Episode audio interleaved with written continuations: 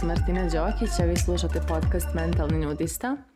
Nalazimo se u epizodi broj 50, tako da smo na nekom malom jubileju. I ovu epizodu posvećujem jednoj onako emotivnoj temi, zvanoj bliskost sa porodicom. I e, mislim da će ova tema možda neki da trigeruje, možda će se osjetiti da ih dira u vrijednost porodice, ali ja ću se postruditi da što konstruktivnije objasnim šta, sam, šta je pisac htio reći, jer celokupni naslov uh, ove epizode je bliskost sa porodicom, mač sa dvije oštrice i zapravo pričat ću malo o toj nekoj zdravoj granici bliskosti sa porodicom i tog nekog momenta šta se dešava kada smo previše vezani, šta se dešava kada smo previše udaljeni i gdje je tu neka mjera i neka granica. Naime, uh, meni je ta tema onako lično zanimljiva, zato što ja sam neko ko veći dio svog života nije bio blizak sa porodicom i nisam imala a, da kažem, tu neku porodičnu vrijednost kao jaku vrijednost u sebi, a s druge strane sam posmatrala ljude koji su bliski sa porodicom kao neke ljude koji su onako, pa ne znam kako se izrazim, ali kao da nisu odrasli. Tako sam imala Valjda mi je to olakšavalo, taj moj nedostatak bliskosti lakše mi je bilo da kao klinka više to gledam kao nedostatak nego kao neku prednost. Da bih negdje kroz odrastanje, kroz duboko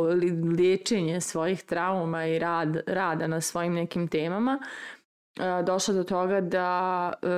steknem bliskost sa porodicom, da mi se razvije vrijednost porodice kao važna, da mi čak u nekom trenutku postane i prioritet i da zapravo otkrijem i čare te bliskosti, ali i nedostatke te bliskosti. Tako da sam neko koji s jedne strane imao i prednosti i mane udaljenosti od porodice, ali i neko ko razumije sada i prednosti i mane bliskosti sa porodicom. I u suštini e, možda onako zvuči neobično to mane bliskosti, ali evo, ovaj, potrudit ću se da to nekako lepo dočaram. Naime, opet ću da uvedem jednu temu zvanu Balkan u sve ovo, jer on ovaj način na koji mi imamo ideju porodice formiranu e, je na mnogo nekih nivoa prilično ograničavajući za naš razvoj i za naš napredak, jer postoji mnogo tih nekih tradicionalnih pravila i mjera i koje čega koje nas tjeraju da radimo neke stvari koje možda čak i nisu u skladu s nekim našim ličnim vrijednostima ili, ili fokusima ili željama i ciljevima, ali ta jaka tradicija kao dio naše kulture nas često tjera na te stvari. Ono što se dešava je da taj tradicionalni moment nas tjera na to da donosimo neke odluke koje su malo više u skladu sa možda našom porodicom, malo manje u skladu sa nama i često ti kompromisi znaju jako mnogo da nas koštaju nekog i mira i radosti i koje čega. A s druge strane, ono što se dešava je da, u, da usled te neke socijalne situacije ili da kažem životnog standarda, sasvim normalno da ljudi žive sa roditeljima i mnogo nakon što su odrasli i mnogo nakon što su postali ljudi u godinama koje su sasvim normalno da se čovjek osamostali. Još jedan faktor koji tu utiče mnogo na tu, taj ostanak pri porodici jeste i taj neki e, kult kupovine nekretnine koji je kod nas kao neka najveća svetinja koja postoji i odlazak u podstanarstvo kao neka prokletstvo neko najstrašnije. I sad znam da u različitim nekim kontekstima to nije baš u toj mjeri izraženo, na primjer, ako je neko išao da studira u neki drugi grad, logično je bilo da, da iznajmljuje stan, da mu možda porodica plaća najam, ali ako ste u svom gradu i tu ste veći dio života, morate da kupite stan za Boga. Ne možete u podstanare da idete bez da kupite svoj stan. I onda ovaj, ono što sam ja primetila opet kao neko ko je živio i odlazio od svoje porodice i živio u drugim državama, jeste da mladi koji su otišli recimo da studiraju negdje drugo, uh, e, tada dožive tu neku prvu separaciju, to odvajanje neko od porodice, a mladi koji su ostali u svom gradu mnogo duže ostaju u, u, u domu svojih roditelja i upravo taj ostanak i često možda ne i ostanak fizički, ali ostanak e, naših roditelja i njihova velika uključenost u naš život ima svoje ozbiljne posljedice. E sad da dodamo i taj segment da jedan dio naše tradicije jeste taj da naši roditelji za Boga žive svoj život za nas, djecu, i da pogotovo ti naši roditelji koji su boomeri, odnosno koji su rođeni tamo 50-ih, 60-ih, možda i ajde i 70-ih, imaju taj moment da, e, mislim čast izuzetcima opet, ali da im je najveći fokus e, na roditeljstvo, na djeci, na životu njihove djece, na školovanju njihove djeci, na odlukama njihove djeci, jer nisu nekako naučili da u životu e, se bave svojim hobijima, da imaju neke svoje ciljeve, da rade neke stvari koje njih ispunjavaju, nego nekako ta djeca postaju i ostaju centar njihovog svijeta. I onda kad se taj bučkuriš tako sa svim tim nekim tradicionalnim idejama, pravilima, fokusima i slično napravi, dobijemo to da mi kada odrastamo jako teško saznajemo ko smo to mi, koja su to naša pravila i kriterijumi i šta je to što je nama zaista važno ili nevažno u odnosu na pravila i kriterijume naših roditelja. Ono što se dešava je da uloga deteta je jedna od najdominantnijih uloga koju imamo u sebi, zapravo ne jedna od nego najdominantnija, zato što je to najstarija uloga koju nosimo i to je prva uloga, to je uloga s kojom smo se rodili i došli na ovaj svijet i ta uloga nosi i najviše trauma i najviše obrazaca ponašanja i najviše strahova i naravno i najviše onih lijepih dijelova zaigranih, ali upravo što nam je ta uloga više prisutna u životu, to nam je teže da se razvijamo kao samostalna individua, odnosno kao osoba koja zna ko je ona i šta su njene prave žalje i ciljevi i um, kako, kako, kako je ta uloga puno prisutna, pa upravo time naše uloge se bude u kontekstima u kojim pripadaju. Naprimjer, uh, eh, kada odemo na posao, tamo nam se budi uloga koja je, koju imamo na poslu, bilo to, ne znam, menadžer,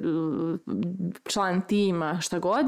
tamo smo to. Kada dođemo kući, tu nam se budi ona uloga koja nam je tu aktivna. Ako smo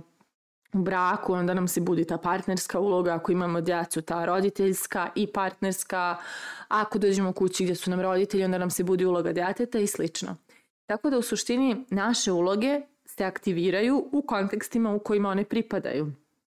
Šta nam je porodica prisutnija u životu na dnevnom nivou,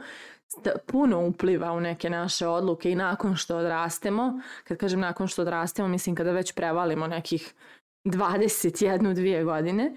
što nam se porodica više upliče u, u, u odluke, u ne znam, u neke naše uh, korake dalje, ciljeve i slično, to je nama teže, to, to je zapravo naše dijete sve vrijeme aktivnije i samim time sve više odluka is, donosimo iz ugla te uloge u nama, odnosno iz uloge djeteta i nekako ne uspjevamo da razvijemo lako tu ulogu odraslog koja je prilično važna za mnogo toga u našem životu. I um, ja lično sam dugo radila na, iako nisam bila bliska sa svojim roditeljima, ipak e, je njihov autoritet bio jako značajan u mom životu jer su bili stroži roditelji I onda sam dugo svoje želje i svoje ciljeve dovodila u pitanje, iako su se meni unutar mene činili kao ispravni, inspirisali me i pokretali me, ja sam ih poredila sa kriterijumima mojih roditelja. I često je ispadalo da ja baš i ne znam šta radim i da te moje ideje nisu baš najbolje, zato što prosto u svijetu mojih roditelja to nije tako i ne treba tako da se radi i trebalo mi mnogo vremena da doživim tu neku vrstu separacije, odnosno da shvatim da mi ne živimo iste živote, da ne potičemo iz istih vremena, da ne živimo u istim svetovima, jer svet koji je njih oblikovao i svet koji mene oblikuje nisu isti svetovi, da nemamo iste ciljeve u životu i samim tim nemamo ni iste kriterijume uspjeha i ideje šta je zaista dobro, šta je, šta je najvažnije u životu i slično. I e, Tu vrstu separacije je bilo moguće doživjeti tek kada sam se zaista odvojila od njih,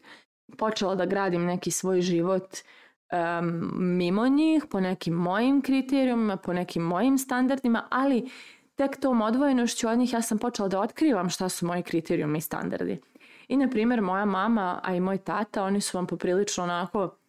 kuća mora stalno da se sređuje. Ja sam ono, dok sam bila osnovna škola, morala da brišem prašinu svaki dan i da pazim tako da sve bude zategnuto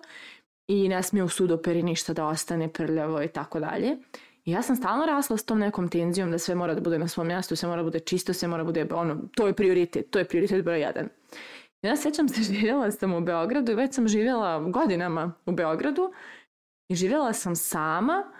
kada sam počela da otkrivam da to uopšte mene ne zanima, da ja ako sam umorna, moj prioritet je da se ja odmorim ili naspavam ili šta god, ali suđe nije prioritet ispred mene. I tako mi je ono postajalo sve jasnije ko sam ja, koji su moji kriterijumi i prioriteti, a šta sam ja to pokupila od svojih roditelja.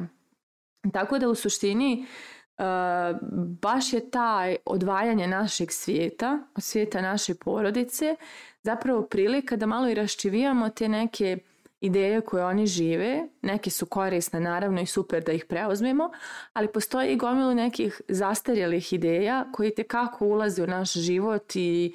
da kažem utiču na njega i ono ispoljavaju se i, i, i ono utiču na naše emocije i samim time mi donosimo možda i neke odluke i mjerujem, mjerimo neke stvari, vrednujemo neke stvari po idejama koje nisu naše lične. I onda malo imamo izazov da živimo tu svoju autentičnost u potpunosti. S druge strane, važno je imati bliskost sa porodicom, važno je izliječiti se, izliječiti sve ljutnje, izliječiti sve tenzije, sve osude, sve što stoji između nas i ljudi koji su nas stvorili